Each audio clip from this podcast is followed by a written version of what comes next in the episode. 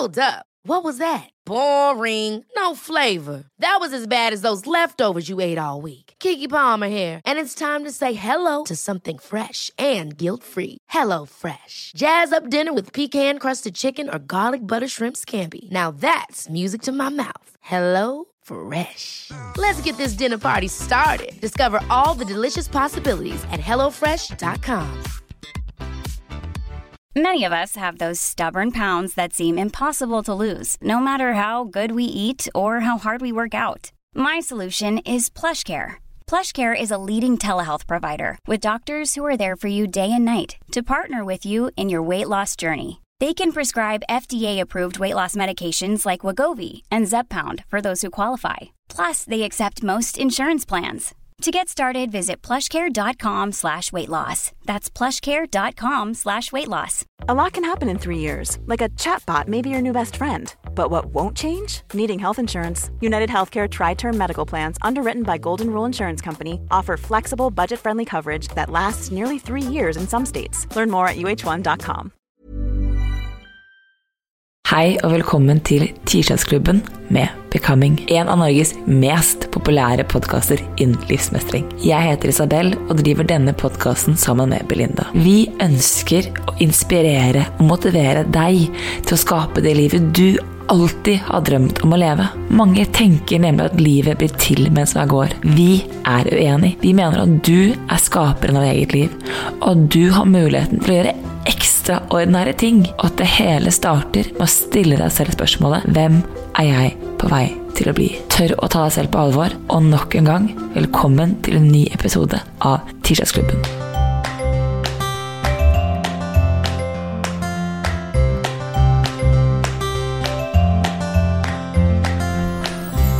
For rundt omkring et år siden så stilte Isabel meg spørsmålet Who are you becoming? Og noe av det jeg tenkte mye på, det var hvilken kvinne er det jeg er på vei til å bli med de valgene jeg tar i dag? Jeg likte ikke utviklinga, så jeg begynte å stille meg spørsmålet Who do I want to become instead? Så jeg begynte å skrive ned hvem er jeg som kvinne, min indre urkvinne, som jeg Isabel kaller det. Hvis jeg ikke legger lokk på meg sjøl, hvis ikke frykt er noe som helst hinder, og hvis jeg bare kan være den personen jeg tror at jeg faktisk kan være, om du så vil, mitt autentiske jeg. Så på hver vår kant så har både meg og Isabel jobba hardt for det som vi kaller vår indre urkvinne. Vi har gjort masse jobb, og med jobb så mener jeg at vi har gått inn og kontrollert våre tanker, og vi har pusta, og vi har gjort ditten og datten. Og mange spør ofte men hvorfor gidder du å gjøre den jobben, hvorfor skal du jobbe for din indre urkvinne, hva pokker er det du driver med? Og det er fordi at når du gjør den jobben, når du tør å gjøre noe som kalles shadow work, når du tør å dive into Nå blir det litt engelsk her, men your divine femininity. Når du tør å se på både din feminine side og på din maskuline side. Når du ikke lenger har ting som du skammer deg over, men hele det blir en helhet. Så blir du, blir du til en av de sjeldne menneskene der ute som står veldig trygt i seg sjøl som har en massiv energi.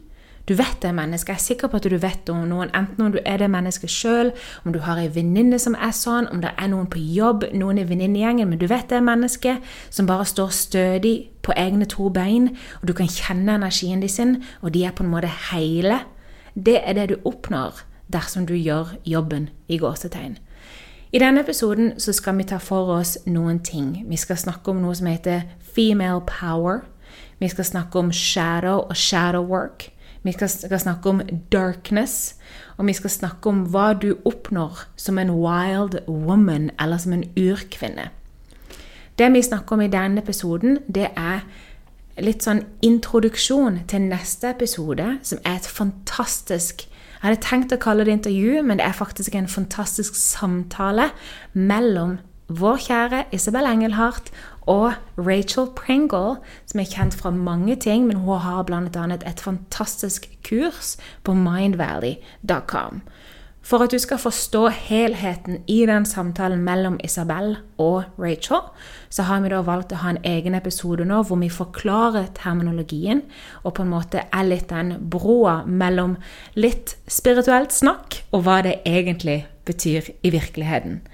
Så velkommen til dagens episode av Tirsdagsklubben. Jeg håper du setter deg godt til rette. Ta gjerne penn og papir fatt, for nå skal vi snakke om hvordan du kan hente fram ditt indre, dype jeg, og begynne å bli det mennesket du alltid skulle være før du begynte å sette lokk på deg sjøl.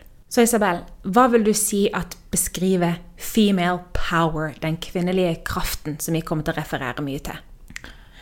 Den kvinnelige kraften, det er kraften i det å være deg. Akkurat deg som den du er, på alle dine flotte og fantastiske måter, variasjoner og personlighetstrekk, rett og slett. Det er hele deg. Og så kan folk tenke ok, men Isabel, hva er forskjellen på den, min indre kraft og min feminine kraft? Og så fordi liksom, er ikke det det samme, kan folk tenke. Og jeg vil si nei. Fordi at menn og kvinner er biologisk sett eh, skapt litt forskjellig. Vi fungerer på litt annen måte. Kvinner har en maskulin kraft og en feminin kraft. Menn har en maskulin kraft og en feminin kraft. For meg så handler den maskuline kraften om handling. Vi er født i et samfunn som er veldig opptatt av handling. Det å gjøre ting veldig opptatt av det logiske, det som kan forklares, altså sånn, det som foregår i hodet. Folk er veldig veldig gode på det maskuline, altså hvis du ser for deg hodet av en kropp. Det feminine, den kvinnelige kraften, det er kraften som kommer fra kroppen, fra følelsene dine, fra intuisjonen din, fra, fra den du måte er når ingen ser på. Fra den personen du drømmer om å være. Det er det feminine. Om du er gutt eller jente, det er det feminine. Det er den feminine kraften representerer for meg. Og som kvinner spesielt så er vi veldig sensitive og åpne for andre mennesker.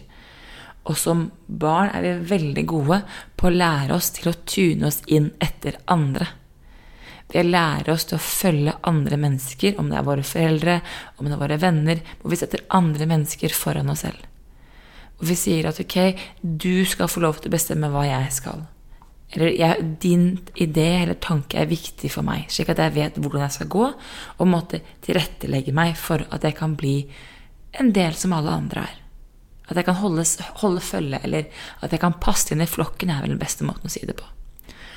Mens den feminine kraften, hun er litt sånn vill og ukontrollerbar i sin essens. Så hun ønsker ikke nødvendigvis å tune seg inn etter andre. Hun ønsker å finne ut av seg selv på egen hånd. Istedenfor å tune inn til alle andre, så ønsker hun å tune inn til seg selv. Og det er der det å tørre å måtte Derfor hele tiden sier du må ned fra hodet. Du må fra hodet og ned i kropp. Du må fra det maskuline, som måtte blir hodet, ned i kroppen, som er det feminine. Ned i følelsen. Ned i det litt mer usikre, ukjente, mystiske. Et eksempel der er jo da noe så enkelt som å bare kjenne etter Føler jeg det som jeg tenker nå? Sant? Hvis jeg tenker at jeg skal handle sånn som dette, for det er det som er riktig, så når det er den maskuline kraften som vi flere ganger vil referere til, så kan du gå tilbake til den feminine med å gå inn i deg sjøl og bare kjenne og lytte. Føles dette riktig, eller går jeg nå imot det som jeg egentlig ønsker? Der henter du inn den feminine kraften din. Og veldig mange mennesker, og det har jeg kjent av erfaring fra de klientene jeg jobber med, vet så veldig tidlig når de går på akkord med seg selv, når de gjør ting de ikke vil, for kroppen sier nei. Hvor de kjenner mm. på at kroppen sier nei, nei, jeg vil ikke, jeg vil ikke, jeg vil ikke. jeg vil ikke. Men vi pusher gjennom med hodet fordi det høres riktig ut. Det mm. føles ikke riktig ut, men det høres riktig ut. Det maskuline mm. blir det høres riktig ut. Det feminine er det føles riktig ut. Og bare så det er sagt, det er ikke noe feil på det maskuline og det feminine. Sånn, De er yin og yang, de utfyller hverandre veldig. Men slipp, eller liksom, slipp din indre kvinne fri handler veldig mye om det å skulle tillate den følsomme delen av deg, den intuisjonsdelen av deg, til å komme frem. Jeg mener at alle mennesker er født med en magefølelse. Men at magefølelsen er noe du må, som trenes opp til, og som må forstås. Den er veldig individuell, basert på hvilken person du er. Og hvordan du, måtte, du velger å høre, eller hvordan du klarer å høre den. Men det handler om å lytte til instinktene dine. Og det å lytte til kroppen din, det å lytte til ting du ikke helt forstår, det kan virke veldig skummelt og ukjent. Og det er noe av det jeg mener Der henter du opp din kraften i det å være kvinne. Kraften i det å på være til stede i egen kropp. Female power Nå tar jeg det på engelsk, for vi snakker om female power i den neste episoden. Vi gjør ikke, du gjør, Rachel. Det handler veldig ofte, eller det handler veldig i bunn og grunn, om at du skal få lov til å være den du er, før du legger lokk på deg sjøl, før andre legger lokk på deg, før society, samfunnet, legger lokk på deg. Og det kan gjenspeile seg i noe så enkelt og lite som at du skal ut med venninnene dine. Du har veldig lyst til å kle deg kjempefint. Du har den digge kjolen. Du vet du ser veldig bra ut. Men du har kanskje venninner med dårlig selvtillit. Du vet at hvis du gjør dette her, så kan de føle Du er redd for beklager, at hvis du gjør dette, så kan de føle seg dårlig. Du velger å legge lokk på deg og heller kle deg sånn at de skal skinne. Du setter de foran deg. Sant? Du legger lokk på deg. Du tillater ikke din indre urkvinne å komme ut. Dette, jeg vet ikke om dette er gjenkjennbart for noen, men dette har jeg gjort så mange ganger i mitt liv. Jeg har veldig ofte hatt lyst til å kle meg veldig eksentrisk, og så har jeg ikke gjort det, for jeg er redd for at noen andre skal føle seg dårlig når jeg står fullt og helt i selvsikkerhet og i selvtillit. Det kan være noe så enkelt som at når folk sier 'gir deg et kompliment', og du skyver det bort sant? Du bare 'Å nei, men herregud, denne kjolen her, den er gammel'. Sant? Da står ikke du i din kvinnelige kraft. For du kan være redd for hvordan andre skal reagere hvis du bare står og tar imot et kompliment. Sant? Så dette med den kvinnelige kraften, det å stå i den, eller det å gjøre den fra seg Det er ikke et sånn stort øyeblikk i løpet av livet hvor du gjør dette her. Det er med små handlinger hver eneste dag. Det er hvordan du snakker til deg sjøl, og hvordan du handler deretter. I den neste episoden som dere skal høre, som er da mellom, samtalen mellom Isabel og Rachel Pringle, så snakker Rachel om fire grunnpilarer til Hun kaller det for self-worship. Jeg syns det var utrolig fint. men det å gi seg sjøl og elske seg sjøl og være glad mot seg sjøl. Du kan kalle det egenkjærlighet, tenker jeg. Det er en, egenkjærlighet. Det er en veldig fin, det er en veldig, sånn, veldig fin måte å si det på. Mm. Og hvis du sitter her med penn og papir nå, de fire grunnpilarene til egenkjærlighet, det forklarer Rachel som nummer én ro deg ned, kom inn i det faktiske øyeblikket. Der har jo jeg nå i så mange episoder vært helt sånn euforisk fordi jeg nettopp har kommet til det punktet i livet hvor jeg faktisk kan være til stede. Det er jo helt ellevilt deilig. For Belinda, um, kaller det, Belinda kaller det å roe ned for tilstedeværelse. Ja. For meg så er det tilstedeværelse. For Belinda er det tilstedeværelse. Ja, klarer å være til stede i øyeblikket. Mm. Ikke la tankene løpe løpsk. Ikke gå på what ifs and what abouts. Og tenk om, men hva, hva er det faktisk som skjer nå? Nummer to, grunnpilar nummer to, det er å lytte til kroppen din, som vi snakker om, til intuisjonen din, til dine lyster, til nytelse. Og hvorfor skal du Hvorfor skal man lytte til seg sjøl? Jeg fikk dette spørsmålet for litt siden, og det var sånn et enkelt og flott spørsmål. Men Blinda, hvorfor skal jeg drive og lytte til meg sjøl hele tida? Så er det, men kjære, for dette, da kan du gjøre ting basert på din, din indre lyst. Og da går du ikke hele tida rundt og er kanskje småirritert eller gretten eller tapper for energi. Du, du blir fullt med energi. Eller som du ville sagt, for du har jo sagt i tidligere episoder at eller, Og jeg, jeg, husker du sa det på workshopen vi hadde i Spania. Så sier du at du ser jo for deg at ditt fremtidige deg, Belinda 3 og 5 i tid, hun guider deg nå. Hun har gått den mm. reisen du skal gå. Hun vet akkurat hva som trengs for at du skal kunne klare å komme dit du har lyst til å bli. Basert på spørsmålet mm. 'Who are you becoming?' eller 'Hvem er du på vei til å bli?' Og så sier jeg at hun bruker da instinktene. For den, ditt fremtidige deg forsøker å kommunisere med deg på best mulig måte. Så hun bruker instinktene og intensjonen og magefølelsen til å guide deg i riktig retning. Litt som en GPS som er sånn Når du får nærme. Så, så dette her er en en, en, Det er sånn du har forklart det, at det er sånn du ser på at ditt fremtidige veileder. Og det å komme inn i kropp, som jeg har sagt, altså vi må gå fra hodet og ned i kropp, Det vil si at du går ned til, til det stedet, til følelsen, til kroppen, hvor du er mulig for å ta imot den beskjeden, det signalet. Ro ned, vær til stede. Det er helt viktig, nødvendig, fordi ellers så hører du ikke måte, beskjeden. Være i kropp for å kunne klare å få Ok, hvor er det min min intensjon, mine instinkter, forteller meg at jeg skal gå. Hvorfor skal jeg lytte? Fordi det er noe inni meg som forsøker å fortelle meg noe. Jeg, jeg har sagt gjennom alle episodene våre at følelser kommer alltid med en beskjed. Er du villig til å høre? Enhver lyst, enhver følelse vil alltid forsøke å fortelle deg noe.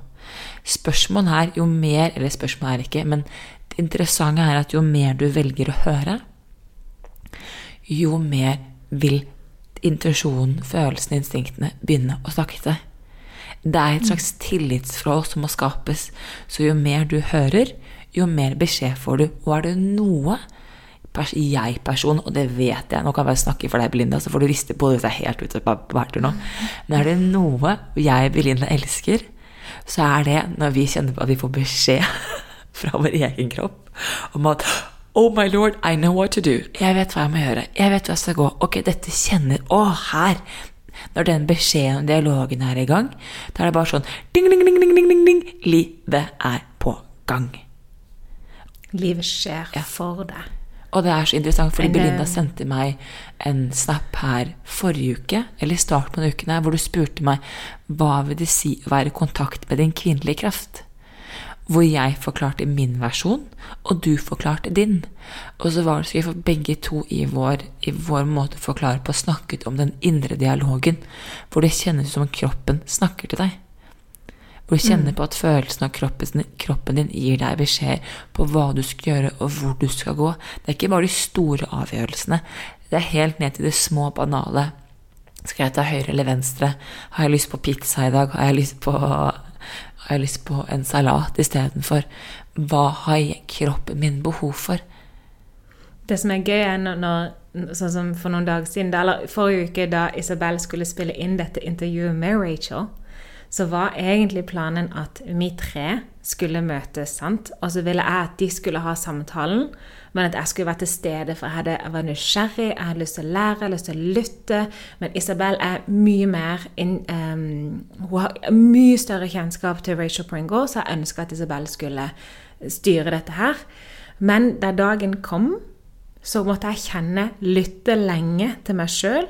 Jeg ville uten tvil være med på den samtalen. Men hele min kropp fortalte meg la Isabel ta det alene. Og det å kunne lytte til under din egen lyst, og det resulterte i det dere skal få lov til å høre straks, ikke i denne episoden, men vi slipper den som en egen, en fantastisk samtale. En fantastisk flyt. Og den flyten hadde ikke vært til stede hvis jeg hadde vært der. Da hadde det vært en annen form for samtale. Mm. Så det er veldig gøy når du er så i kontakt med deg sjøl at du faktisk kan gå forbi like your wants. Mm. Du kan gå tilbake til det under, under der igjen. Men hva er det som egentlig er riktig her for det som vi sammen holder på å skape? Mm. Sant? Veldig kult. Og det var så gøy fordi da den kom, så var jeg sånn Jeg lurer på hvorfor det her skjer. Hvorfor har vi misforstått mm. hverandre, Belinda og jeg? Og så var jeg bare sånn Ja, vi hadde misforstått det klokkesettet ja, det skulle spilles Så var jeg sånn Kanskje hun ikke skal Og jeg tenkte nei, jeg kan ikke tenke det, Isabel. Nå er du ute å kjøre. Nå må du, nå må du, altså Jeg var jo så gira for å møte Rachel, nå må du rulle inn. Og så får jeg bare video av Linda som er bare sånn Du, jeg lurer på om hele kroppen min sier at eh, jeg ikke skal være med. Så jeg velger å høre på den. Og jeg er helt sånn Hæ? Er, vi kommet, er vi og jeg kommet dit? At vi kan bare være sånn Jeg har veldig lyst til det her, um, men tiden er ikke helt inne, så du må ta den alene. Altså, det, det var så Det var et sånn sinnssykt magisk øyeblikk for meg å se at vi var kommet dit hvor vi kunne unne hverandre det. Men det, det var en naturlig beskjed. Det var ja, ingen sjalusi, mm. ingenting. Det, det, var, det var så magisk for meg. Første gang jeg leste 'Untamed' av Glennon Doyle, som er nå et år siden, så forklarer hun Hun sier at når hun går inn i seg sjøl, så går hun dypt, helt ned der som det er stille. Og det er der svarene ligger. Og det er så fint forklart, for det er egentlig sånn det føles. Det er ikke noe tankekjør. Det er ingenting. Det er kun en følelse. Og det er, helt, det er så stille, og det er så deilig. Og det som er at når Jeg pleier å si det at en magefølelse, en intuisjon Når du får en beskjed fra kroppen din, så vil den aldri, aldri komme med tankekjør etterpå. Den er veldig rolig. Du har alltid landa. Du har landet. Det er veldig sånn dusj. Er. Det er ikke alltid at det er på en måte du kan få, jeg, har, jeg har fått beskjeder som ikke er nødvendigvis så ubehagelig å få beskjed om. Men det er en sånn tydelighet hvor det er ikke noe tvil. Jeg bare vet. Det er en Jeg syns ikke det var veldig kult når jeg får liksom beskjed da, som- når jeg da føler at jeg skal ikke være en del av en samtale med en American superstar. Eh, ok? I min egen podkast. Det er masse mer kontakter ja. Og så skal ikke jeg være del av det. Ja. Ok, fuck you. Gut feeling. Men så er det jo bare å stole på at like, Både meg og Isabel føler jo at vi er vi har funnet vår, som Jay Shaddy sier, vår dharma. Vår grunn til at vi er her på denne jord. Vi skal lære, og så skal vi flippe det om til et naturlig språk så godt vi kan, og så skal vi lære det videre til andre. Og sammen som Dalai Lama sier, han sier at vi har én ting til felles, alle vi, uavhengig av rase, uavhengig av kultur, uavhengig av opphav, og det at vi alle sammen har lyst til å, få, til å ha det bra. Og meg og Isabel på vidt forskjellige måter har ett mål i livet, og det er å hjelpe andre med å ha det bra. Og når man vet at det er liksom the passion, that's the end goal, og vi vet at vi holder på å skape noe, da må man jo lytte til For igjen, som du refererte til tidligere, hvis jeg tror at mitt, tid, mitt framtidige jeg allerede har gjort dette, hun er allerede way langt der framme, da må jo jeg bare lytte til de beskjedene, det som føles riktig. Og etter jeg hadde sendt deg den snappen hvor jeg sa at dette her er up to you guys, like you gotta do it alone, så føltes det bare sånn derne, Det er den der Det var vittig. Jeg fikk en melding av nære, gode venninner med, som vi har, vært veldig dårlige på å holde kontakten i det siste. Og så snakker vi, snakker vi om grunnen til dette her, da. Og eh, så sier hun at en av tingene som har vært veldig vanskelig for henne, sier hun at det siste halvåret så har du aldri snakka til meg hvis du har gått igjennom noe. Og så leste på den, for jeg har alltid brukt henne som min outlet. sant? Bare I'm going through some things, I need to talk it over, og bla, bla. Så veldig sånn shit, hvordan forklarer jeg nå at eh, det er fordi at jeg bare føler istedenfor? Setter meg ned alene og bare føler. Jeg har ikke lenger et behov for å snakke med andre om noe. Jeg bare setter meg ned og føler. Det jeg, jeg har fått samme beskjed tidligere. Og jeg har fått beskjed av, av venner rundt meg, som er, altså nære venner rundt meg, som er sånn Men du bruker meg ikke lenger. Du ringer meg ikke hvis det er et eller annet. Og så er jeg sånn Nei. Nei, det, men jeg har skiftet, da. Jeg håndterer det på en annen måte. Jeg må ikke lenger til et annet menneske for å føle. Jeg, kan, jeg har skapt et rom for meg selv for å føle selv. Nettopp. Så da må man jo lage et nytt forhold. Sant? Man må skape en ny relasjon på den gamle relasjonen som igjen Esther Perel snakker om i den boka som du refererer til så ofte, 'Rethinking Infidelity'. sant? Hvor, og dette her går jo også til vennskap, til i søskenforhold. I så mange situasjoner så må du faktisk noen ganger gi slipp på alt det som har vært, og bygge et helt nytt forhold. Ok, det var en liten digresjon der, altså. Men grunnpilar nummer tre, som Rachel Ta de to første igjen, så vi bare minner lytterne på hvor vi er okay, i grunnpilaren. så de to første, de fire grunnpilarene til egenkjærlighet, er da én ro deg ned. Kom inn i øyeblikket. Her må du puste.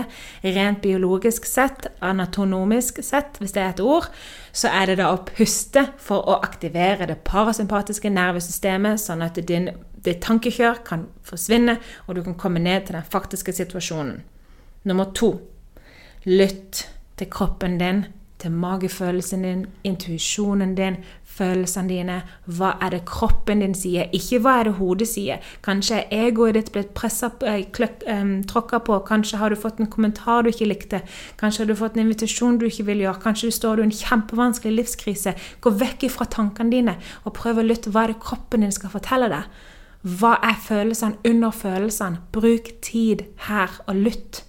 Og nummer tre, da, det er da å begynne å sette spørsmål til dine tanker og din, din tro. Liksom, på engelsk er det 'to your beliefs'. Vi har ikke helt det ordet på den måten på norsk, men jeg hadde en Tankesett, Instagram live i forrige uke. Kan- Din sannhet? Tankesett. Tankesett, ja.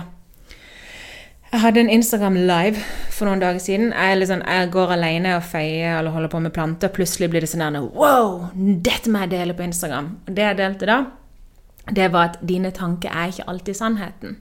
Så hvis du har tanke om at eh, Oi, da er jeg en feit hval. Så er jeg her og forteller at det er du faktisk ikke. Du er en human being, og du er ikke en hval. Du er ikke feit. Kanskje har du litt fett, det har de fleste av oss. Det er helt greit. Sant? Gå videre.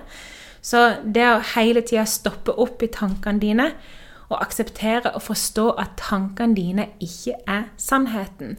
Og dette her er både eh, positivt og negativt. Jeg er ikke glad i å tenke på at mine tanker ikke er sannhet. Hvis jeg tenker veldig kule, flotte, fine ting.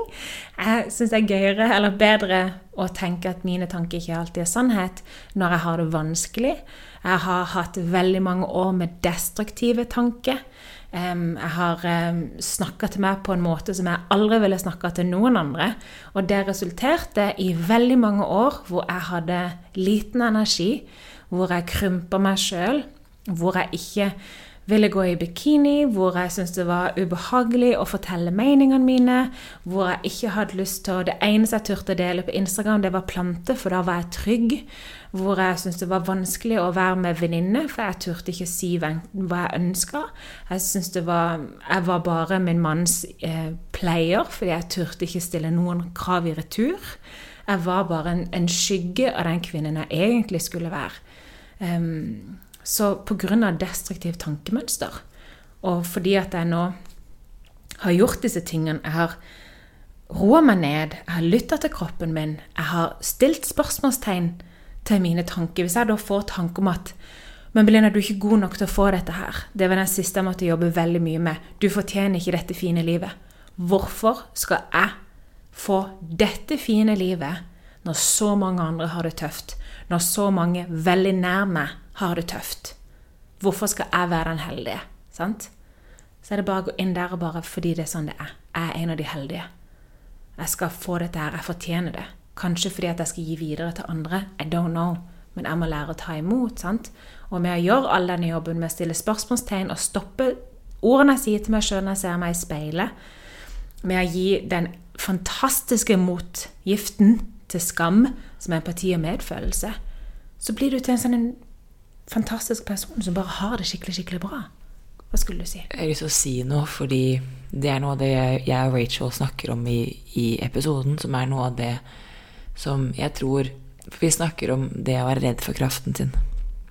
Og det er, refererer veldig fint tilbake til det du sier nå, Belinda, fordi at hvorfor fortjener jeg å få det her når så mange rundt meg sliter? Ikke sant? Så der sier du i at du er litt redd for, for, å tre inn i din kraft, i det å være fullt og helt deg, og det du kan skape og få til, fordi at det var med alle andre. Ikke sant? Mm. Som vi har snakket om kvinnekraften, er at, eller kraften i deg i seg selv, er det at du ser på de rundt deg, tuner inn på de, og så sier du da må jeg, tone, jeg må tone meg litt ned. Jeg har tonet deg selv litt ned for å matche andre. Og grunnen til at vi har frykten for kraften, er fordi det er veldig Det krever sin kvinne, og det krever sin mann, å tørre å stå fullt og helt opp og si at 'dette her er meg', og jeg er ikke lenger redd for å ikke vise meg. Eh, jeg tror det er Marianne eh, Williamson skrev et dikt som Nelson Mandela har brukt i sin tale som heter um, Å, husker jeg ikke hva det heter for noe, men Are you our deepest fear? Og han sier at our deepest fear is not that we are inadequate. Altså vår dypeste frykt er ikke at vi er utilstrekkelige. Our deepest fear is that we are more powerful than measure. At vi er sterkere enn vi tror. For når du skjønner hvor kraftfull du er, så skjønner du også hva du faktisk kan få til. Og det er mye lettere å si at 'jeg skulle ha gjort', 'jeg kunne ha gjort', hadde det ikke vært for enn å si at 'jeg er så kraftfull, men jeg valgte ikke å gjøre det'. Det er en måte hvor vårt ego, såre ego, kan klare å overleve. Så det å, derfor, hvis det ga mening, det jeg sier nå, er at det, måte, den frykten for å gå inn i kraften din, er det at med With great power comes great responsibility. Altså det, er, det er et um, Det er viktig at vi tør å gå inn i kraften, for det viser andre at de også kan få det til. Det viser at Hei, jeg er faktisk ikke noe spesiell. Jeg er bare en person som har turt å bli mer og mer meg selv. Jeg har skrelt av de lagene mer og mer og mer, og jeg tør å stå og være fullt og helt meg. Når jeg er fullt og helt meg, så jeg tillater at du kan være fullt og helt deg. Det er superskummelt for folk som er vant til å skulle forsøke å være alle andre. For hvem i alle dager er jeg hvis ikke jeg er fullt og helt meg? Så det er som at, men at du gir tillatelse gir også rom til at andre kan begynne å stille spørsmålstegn. Gå tilbake til pilar 3, som Rachel snakker om, som heter at du kan stille spørsmålstegn til hvem er du, hvem vil du være? Hva, altså, tenk, de tankene jeg har plukket opp fra barndommen, er det sant? Ikke sant?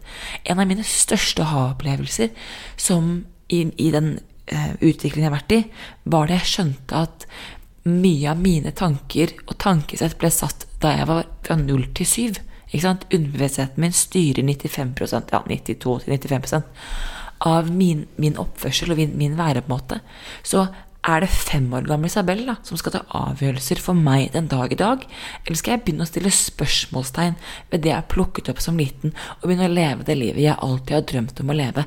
Det krever at jeg begynner å se at jeg er mye mer enn bare en eh, stakkars liten jente som skal krympe seg eh, i en mørk krok. Ikke sant? Men jeg må tørre å vise folk Hei, se meg. Det er ok. Veldig ofte så baserer vi jo nåtidens følelse på fortidens følelse. F.eks. For dette med at Oi, jeg kan, ikke, jeg kan, ikke, gå ut her i bikini foran masse folk. Jeg må skjule meg bitte litt, fordi at eh, jeg har jo dårlig selvtillit. Det var min automatiske tanke det morges. Og var litt sånn Wait a minute! That's all news. Jeg har ikke det lenger. Eller jeg går på trening og jeg bare Oi, jeg må passe meg litt for den der. fordi at sist gang jeg gjorde den, så glei jeg, og jeg uh, kutta leggen. Så det vent litt. Jeg hører hva du sier, men jeg skal gå inn på nummer tre, Richard Pringles, grønne pilar, og sette spørsmålstegn til denne sannheten jeg forteller meg sjøl nå. For sist jeg prøvde det, så hadde ikke jeg muskler. Jeg har trent effektivt nå i to måneder. Jeg begynner å bygge muskler. Jeg skal prøve denne her. Jeg skal overkomme denne. Jeg kan faktisk få til dette her. Men det som vi snakka om i stad, med dette med å tillate seg sjøl å, ha det bra og stå fullt og helt i den personen du er det, altså, Dere må forstå at, at, vi har lagt inn så mye jobb for å komme dit. Det var før jul eh, i november, tror jeg, når meg og Isabel måtte ha noen heftige sessions hvor Isabel guider meg i meditasjoner for at jeg skal finne ut av hvorfor har jeg så selvfølelse når jeg gjør det bra, at jeg krymper meg. Kan jeg bare si en ting? Eh, hardt, det er en forskjell på hardt arbeid og riktig arbeid. Ja. ja fordi eh, Belinda, jeg har ikke jobbet Hvis du tenker sånn, kjære lytter, at jeg og Belinda har jobbet drithardt og liksom bare pushet og pushet og pushet, pushet så ja, har vi nei, ikke det. Nei, nei, eh, når Belinda sier 'jobbe hardt', så mener Belinda at Belinda har måttet være brutalt ærlig med seg selv ja. om seg selv. Og det er beintøft.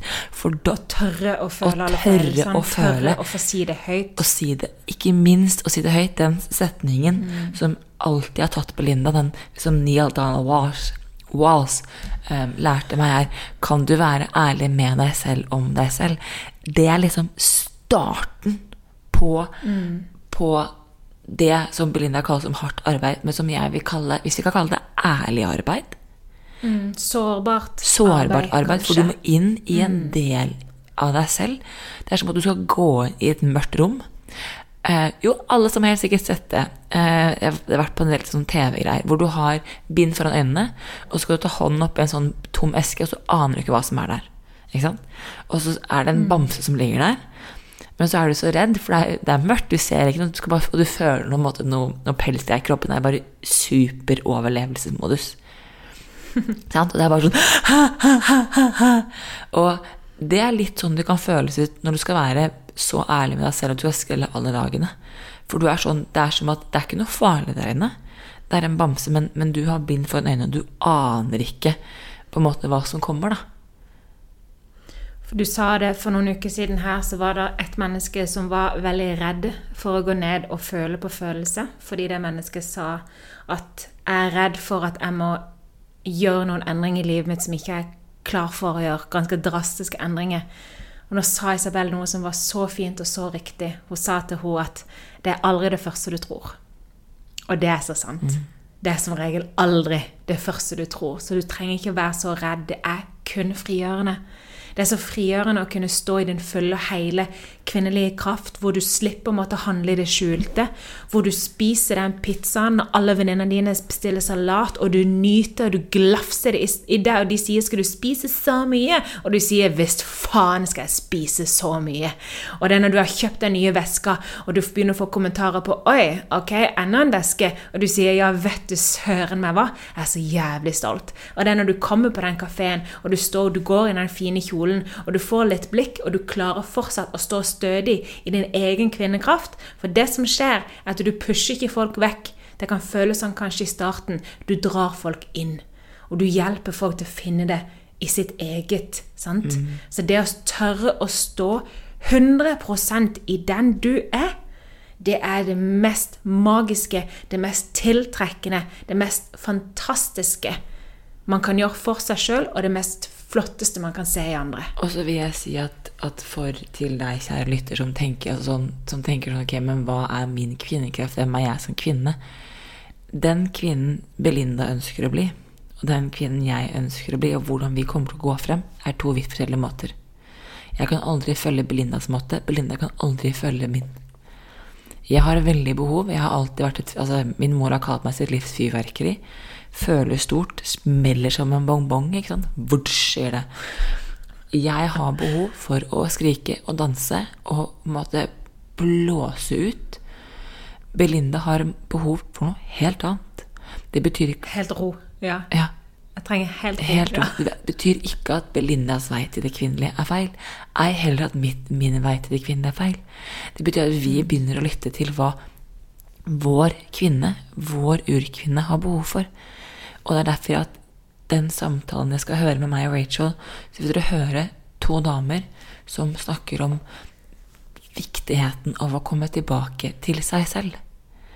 Mhm. Viktigheten fordi eh, jeg har akkurat lært det, og det, jeg syns det er så sinnssykt fint, og det er det at eh, veldig mange mennesker frykter kaos.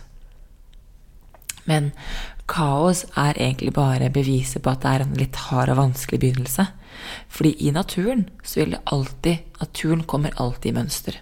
Altså Vi mennesker vi er meaning-making machines. Vi, vi, søker mønster og mening i ting for å kjenne at vi, er, at vi er trygge. Det er sånn vi på en måte forstår livet. Og naturen har alltid mønstre og en rytme i seg. Men, Se på en snøstorm. Det ser ut som fullstendig kaos.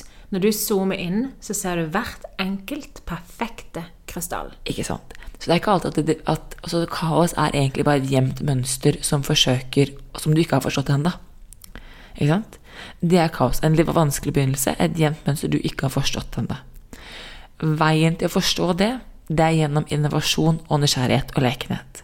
Barn er mestere i å være nysgjerrige og lekne, og kan gå inn i sin egen verden og skape mening og forstå ting og på en måte oppdage ting fordi de har en lekenhet. Det er den lekenheten og den nysgjerrigheten som jeg ønsker at, veldig, at, du skal ta med inn i din reise med det kvinnelige. Fordi det kvinnelige i starten kan føles veldig kaotisk. For meg var det kjempekaotisk. Det var Jeg ante ikke hva som måtte Hvilken ende hva, hva var det femine, hva var det maskuline, hvem var min kvinne, hvem var din kvinne, åh, oh, hva var det kvinnelige nå? Hva føler jeg, hva føler du, hva føler de, hva skal jeg egentlig føle? Jeg må ringe en venn. Ja, ikke sant? Så du ble veldig kaotisk. Men så var det det å tørre, som Rachel sier, ikke sant, ro ned. Kom i kropp, still spørsmålstegn, vær nysgjerrig. Og hennes fjerde grunnpilar er gjør les de tre andre. ja. så er det det at det der å tørre å bruke lekenheten, tørre å bruke Det er sånn For meg så har det å danse, den bevegelsen, den rytmen på så Jeg har sikkert jeg har danset hull i stuegulvet. Fordi det har vært min måte å komme i denne lekenheten og nysgjerrigheten på. Men det er hele hovedclouet med å komme tilbake til sin indre kvinne, er det å tørre å være nysgjerrig. Ja. Det har jeg lyst til å spørre lytteren om noe. Mm.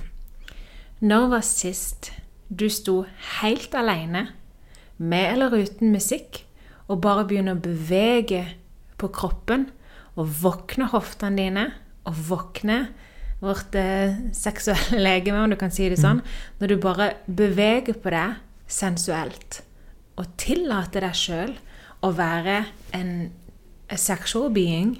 Mamma kaller det alltid for kvinnelist. Å bruke din kvinnelist, og våkne din kvinnelist. For det å bare stå og bevege på seg, det er altså så frigjørende. Det er ikke noe som jeg eh, Isabel bruker det veldig aktivt som et verktøy. Jeg gjør ikke det, jeg bruker det bare som en bonus. Men det jeg merker, er at i starten er jeg alltid flau. Kjemperedd for at noen skal se meg. Og så når jeg klarer å komme gjennom det, og bare kjenne på det, det å være det å være en kvinne, det å være en sexual being. Og i episoden dere skal høre i samtalen mellom Isabella og Rachel, så får du òg høre de snakke om seksualitet. Og seksualitet handler ikke eh, om å pule, pule, pule. Det handler om den indre energien din og, og, og hvem du er, kvinnelisten. Og jeg har, jeg, meg og Isabel har jo vokst opp eh, ganske forskjellig egentlig når det kommer til dette her med med kvinnelist og det feminine. For jeg har vokst opp med en, en, bestemor som var veldig feminin og veldig opptatt av å være kvinne og, og bruke den delen. Og jeg har vokst opp med fire-fem tanter som alle har vært veldig kvinnelige. Og min mor som alltid har vært veldig stødig i sin egen kvinnelist. Og jeg har liksom alltid blitt fortalt bare sånne småting som at bruk en kvinnelist. Og, og um, bare sånne små teite ting som har matchende undertøy. sant? Alt, bare sånn, liksom, Gjør neglene dine, ta vare på deg sjøl. Husk at du er en kvinne. Når du kommer inn i rommet, så eier du det. Det har blitt fortalt siden jeg var liten. at Husk at du er en kvinne, så når du kommer inn i rommet, så har du allerede vunnet. Sant? Og det er så utrolig har, Dette her har ligget i meg, men fortsatt så har jeg måttet Jeg har måttet jobbe med har, Som voksen så har jeg lagt lokk på alt, og jeg måtte fjerne alle de lokkene igjen. Jeg måtte tillate meg sjøl For det første måtte jeg bli kjent med hvem jeg er under alt. Hvis jeg skal tillate meg sjøl å bevege meg og kjenne på hoftene som snurres, og kanskje til og med være så crazy som å ta på min egen hud Jeg var helt sånn her, Hva er det drit med meg? Er dette her pornografi? Så og tar meg sjøl på skuldrene, livredd for at noen skal se på. Men det å, å, å bli kjent med seg sjøl, og så release yourself og så la hun få lov til å komme ut. Jeg måtte tillate meg sjøl å like å nyte mat foran andre mennesker. For jeg alltid sett på mat som en fiende. Hvis du liker mat, da er du feit. Sant? Da er du, da, er du, da er du noe negativt. Men å nyte mat er jo det beste på denne jord. Jeg måtte tillate meg sjøl å nyte offentlig. Bare det å slappe av. bare, Jeg har ikke lyst til å jobbe så mye. For vi kommer fra en kultur hvor det er hassel, hassel, hassel. Jeg har ikke lyst til å jobbe så mye. Og jeg tillater meg sjøl å bare Jeg har kjempelyst til å kjøpe en Chanel-veske. Bare ikke det er feil verdi? Nei, det er faktisk ikke feil verdi. Jeg kan få lov til å ønske meg en Chanel-veske. Jeg skal under den, jeg skal bruke den til alt det den er verdt. Det å tillate deg sjøl å bare være mm. deg sjøl, det kommer ikke du, You have to do the work, but det, det, er så frigjørende at jeg har ikke ord. Det er, det er den beste altså Det er den mest altså Det er det jeg sier, at Rachel har jo endret livet mitt da jeg begynte mm. å gjøre mm. dette aktivt. fordi for meg så var det altså, Jeg har sagt det i poden før. Jeg, med noen av mine klienter har kjent seg igjen i det, er at jeg er ikke født i feil kropp. Men hadde jeg fått velge da jeg var liten, eller jeg var født, så hadde jeg valgt å være gutt. Fordi det maskuline kjennes tryggere for meg, lettere for meg, enn å håndtere det feminine. Men nå begynner jeg å få et mye bedre kjennskap til meg selv og min feminine kraft. Og nå begynner jeg å like den kvinnen jeg er. Det er ikke alltid jeg liker hele meg. Og det er ingenting jeg syns er verre enn når jeg er frustrert kvinne. Fordi å, det er litt slitsomt, syns jeg. Men, men, det er en del av det å være kvinne, har jeg skjønt. At sånn, det er noen roller som er litt sånn utakknemlige. Og det er den utakknemlige rollen av å være frustrert, å være sint. ikke sant? og og det er disse rollene her som samfunnet veldig ofte har sett ned på. Den frustrerte kvinnen, den sinte kvinnen, den kvinnen, karrierekvinnen. Det er veldig mange av disse tingene som har, har fått merkelapper på seg fra samfunnet. Og det kan være litt sånn utakknemlige roller og masker å gå inn i, eller eh, måte, aspekter av selv å gå inn i. Men det er like mye en del av min, den kvinnen jeg er. Jeg må tørre å være sint, jeg må tørre å være frustrert, jeg må tørre å være følsom. Fordi det er hele meg. Og det å se på det som en del av meg, og ikke minst hele meg, er så sinnssykt viktig. Vi har en egen episode som heter Shadow Work, som jeg vil anbefale å høre 100 ganger. Men vi kan liksom ikke gå gjennom denne episoden uten å touche inn på det bitte litt. Og i den samtalen mellom Isabella og Rachel, som vi refererer til hele tida her, så sier Rachel Pringle at um, angående det å bli såra av andre, så sier hun It hurt me because I'm hurting. Og det som du gjør når du gjør shadow work, som det refereres mye til, både mellom oss her i denne podkasten og i mange andre sånne livsstilspodkaster, det er jo at du går inn og tar noe og legger lys på det. Herregud, jeg må ta et eksempel for å kunne forklare dette her. For eksempel, da, så har jeg i hele mitt liv, um, så lenge jeg kan huske, ment at min mage er den styggeste magen på denne jord. Jeg har gjort alt jeg kan for å skjule den. Jeg har gått i oversized klær i hele mitt voksne liv. Jeg har vært livredd for at min ektemann skal se magen min. Hvis han kommer inn jeg står i dusjen, så er han må suge inn, Husk, han må jo for guds skyld ikke se at jeg har mage. sant? Idiot. Som om han ikke har sett magen min. Det er jo helt dust. Men gjort alt det jeg kan for å skjule den magen min. Og hvis noen har kommentert noe som helst på min mage, så har det føltes så vondt. It hurt me because I'm hurting etter jeg har begynt med å komme i kontakt med min indre urkvinne Min indre urkvinne, min, mitt fremtidige jeg, har jo ingen jævla issues med magen sin. sant? Hun er jo en selvsikker being, så da måtte jo jeg begynne å fronte min mage. Og ikke, jeg kan ikke endre magen min i dag, men jeg kan endre tankene mine rundt magen min. Så det jeg ønska å gjøre, det var å ufarliggjøre min egen kropp. Så jeg hadde noen dager her alene i Spania hvor jeg filma meg sjøl i bikini i absolutt alt jeg gjorde. Feiing, vasking, bla, bla. bla. Jeg skulle se kroppen min i alle vinkler og versjoner. Det er jo egentlig speil, speiløvelsen, bare på sånn ekstremnivå. Så alle videoene, så at her er det jo ingenting farlig. Begynte å like det. Så ufarliggjorde absolutt alt. Um, fast forward. Det gikk litt tid, men fast forward. Nå, jeg kunne ikke brydd meg, men jeg syns magen min er kjempefin. Han er skjønn, han bøyer seg når jeg sitter.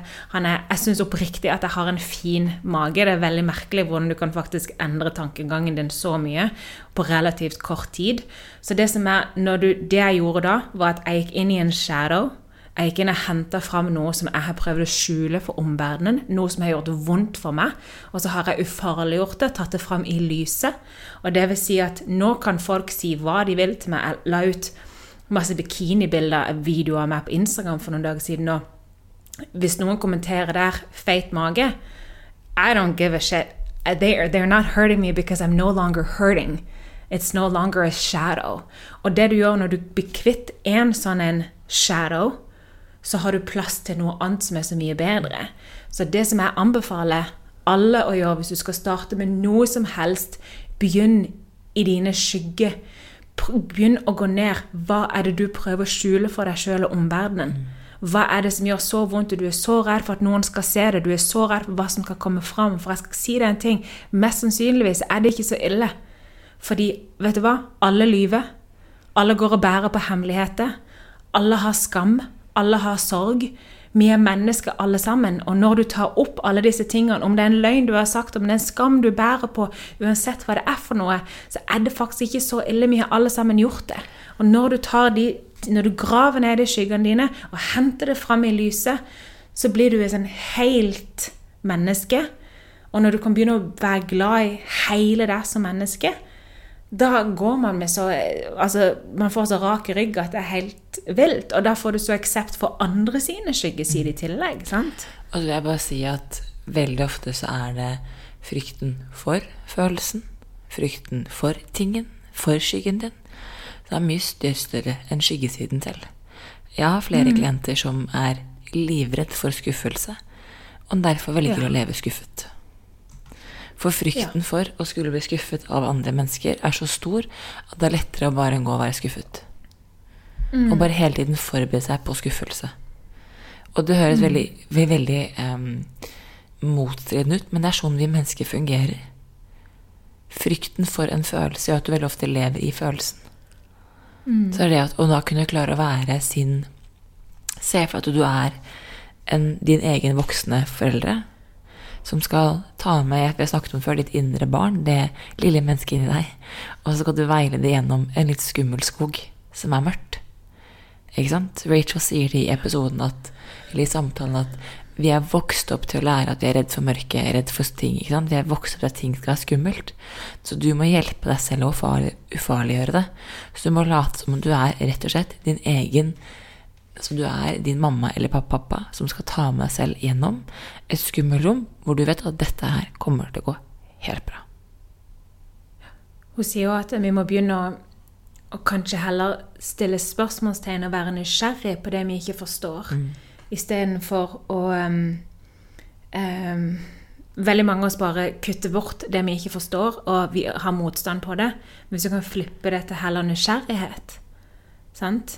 Så kan det um, Det er så mye frigjørende i det. Og en annen ting jeg beit meg fast i samtalen mellom deg og Rachel, det var Jeg vet ikke om hun sa det direkte, eller om det var bare min oppfatning, men du vet når du You're feeling okay, sa jeg det tidligere, og noen gir deg et blikk eller en kommentar den har satt seg så sterkt i meg, men du får det ene blikket, du får den ene kommentaren, og du tar det inn, and you put it in your shadow pocket, mm. and it becomes a part of you. Og så skal du la andre mennesker Du skal gi bort din kraft til et annet menneske. På det viset der. Et menneske som ikke engang mest sannsynligvis ikke kommer til å huske at de har gjort det. Og det som er forskjellen da på For eksempel så øh, Ok. Rent eksempel.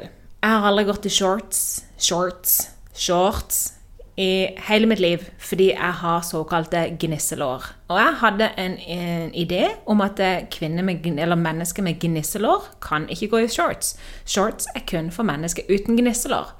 Og når jeg da har landa i min ny female empowerment, så er det helt sånn denne Shorts! Jeg kan jo gå med shorts. Kjøttmenn og noen Levis-shorts etter så dæsbrader rundt her i leve shorts. Amazing. Tok de på meg og bare God damn, girl. sant? Den rumpa, you got this. sant? Voluptuous og sant? Følte meg kjempefin. Så fikk jeg en kommentar som var Oi, så fine shorts. Så gøy å se at det finnes shorts for, gnisse, for oss med gnisselår også. Sant? Hadde dette vært for et år siden, så hadde jeg tatt av meg de shortsene, aldri tatt de på meg igjen. It will hurt me because I was hurting. Men fordi at jeg har ufarliggjort og begynt å skapt egenkjærlighet, og syns faktisk at mine gnisselår oppriktig er veldig veldig fine, og at jeg behandler kroppen min så bra Han får så mye næring, han får mer bevegelse enn noen gang. Han har aldri hatt det bedre. Så it did no longer hurt me because I'm no longer hurting. Men tenk hvis jeg før Så det jeg gjorde da når jeg tok imot den I'm standing, jeg står i min kvinnelige kraft. Men jeg føler at jeg har sånne gullegg rundt meg og bare positiv energi. Og istedenfor at jeg tar den kommentaren og legger den i min shadow og tar av meg shortsen og skjuler lårene mine, så står jeg igjen og ser jeg at oi, dette mennesket her har problemer. Dette mennesket her har et sår som de prøver å gi til meg. Så da kan jeg flippe det og heller gi tilbake godhet med å si alle gnisselår fortjener å være shorts. Kjøp deg noen shorts og nyt det. Sant? Ha en fantastisk sommer uten å bli påvirka. Og det er liksom denne, the aftermath of doing the work. Og her, Det er et fantastisk eksempel at du bruker, fordi Rachel snakker veldig mye om det med kommunikasjon. Hun kaller det 'conscious communication', altså bevisst kommunikasjon. Og det er det at vær bevisst på hva du faktisk snakker og sier til andre mennesker. Fordi selv om du i dag har gjort jobben din, så er det hvis den kommentaren om at om Gnisselå godt og vi også med, med Gnisselå kan kan bruke shorts, så vil jeg si at kjære kvinner, kjære lyttere, kan vi være litt mer var og bevisst på hva vi faktisk velger å si til hverandre. At humor veldig ofte Det er vanskelig å oversette humor via tekst. Og være bevisst på hva vi faktisk velger å kommunisere med hverandre. Som den kvinnen jeg er på vei til å bli, så har jeg lyst til å bli bevisst det jeg deler. Fordi at selv om jeg forsøker å være morsom, så er det ikke alle som vil si at den spøken er så veldig morsom. Og humor er en fantastisk forsvarsmekanisme. Så ikke forsøk å dra, for det er noe av det Og der er Sorry, ass, men der er kvinner er mye bedre på det her enn menn. Eller du kan si menn er mye bedre på det her enn kvinner. Gutter er mye bedre til å heie på hverandre enn det kvinner er. Kvinner mm. er dra hverandre ned i første sekund om mulighet vi får. Så med kommentarer som på en måte setter oss i bås. Så jeg vil så veldig gjerne at for deg, hvis du hører på episoden av meg, og Rachel, legge merke til det hun snakker om rundt det om bevisst kommunikasjon. Og vær bevisst. Hvis du syns at shortsen er fin, ok, si 'fin shorts'. Punktum. Det fins ikke noe Jeg elsker Det her har jeg fra meg fra ny, Jeg har det med meg fra USA og New York. Men når jeg ser en dame Veldig ofte det er det damer eh, som jeg ser det på, som har antrekk eller kjoler eller antrekk som er fine. Så stopper jeg de alltid opp og sier 'Å, elsker kjolen' elsker antrekk. Det lærte du meg. Første gang jeg gjorde det, da var jeg på vei til en graduation i California. Jeg så ei jente på andre sida av veien og hadde på seg en kjole. Og sånn, skal jeg gjøre det, skal jeg gjøre det? skal jeg gjøre det? Småjogger over veien bare for å I like your dress. I did it. For det som er når du, når du gir små morsomheter, som egentlig er små stikk, mm. til andre kvinner, da gir du ifra deg din kvinnelige kraft. Mm. For din indre being er ikke skapt til å sette andre på plass. Den er skapt til å bygge opp mm. andre. Og jeg hørte en pass, jeg husker glemt hvor det var, men et tips som var gi andre komplimenter basert på noe de har oppnådd, ikke basert på noe de er født med. Mm. Og dette her òg med ikke kommenter negativt på noe som andre er født med. Sant?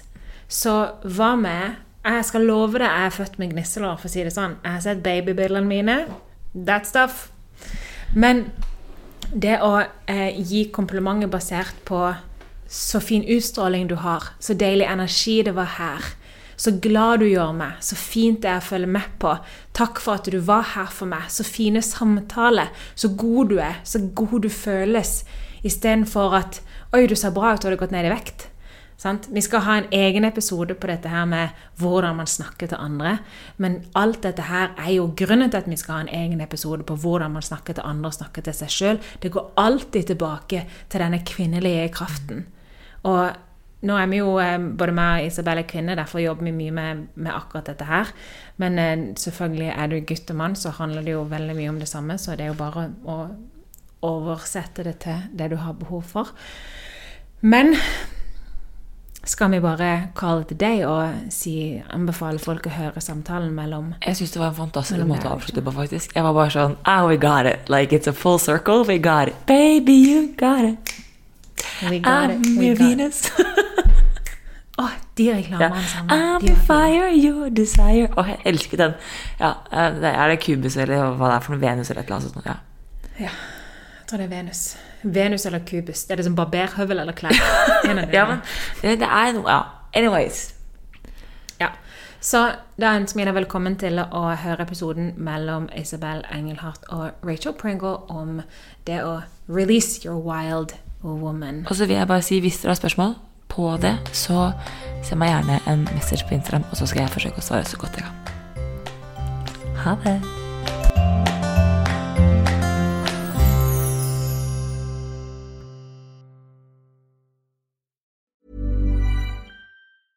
Ever catch yourself eating the same flavorless dinner three days in a row? Dreaming of something better? Well, HelloFresh is your guilt-free dream come true, baby. It's me, Kiki Palmer. Let's wake up those taste buds with hot, juicy pecan-crusted chicken or garlic butter shrimp scampi. Mm. Hello Fresh. Stop dreaming of all the delicious possibilities and dig in at HelloFresh.com. Let's get this dinner party started. Even when we're on a budget, we still deserve nice things. Quince is a place to scoop up stunning high-end goods for 50 to 80% less than similar brands. They have buttery soft cashmere sweaters starting at $50, luxurious Italian leather bags, and so much more. Plus, Quince only works with factories that use safe, ethical, and responsible manufacturing. Get the high-end goods you'll love without the high price tag with Quince. Go to quince.com/style for free shipping and 365 day returns.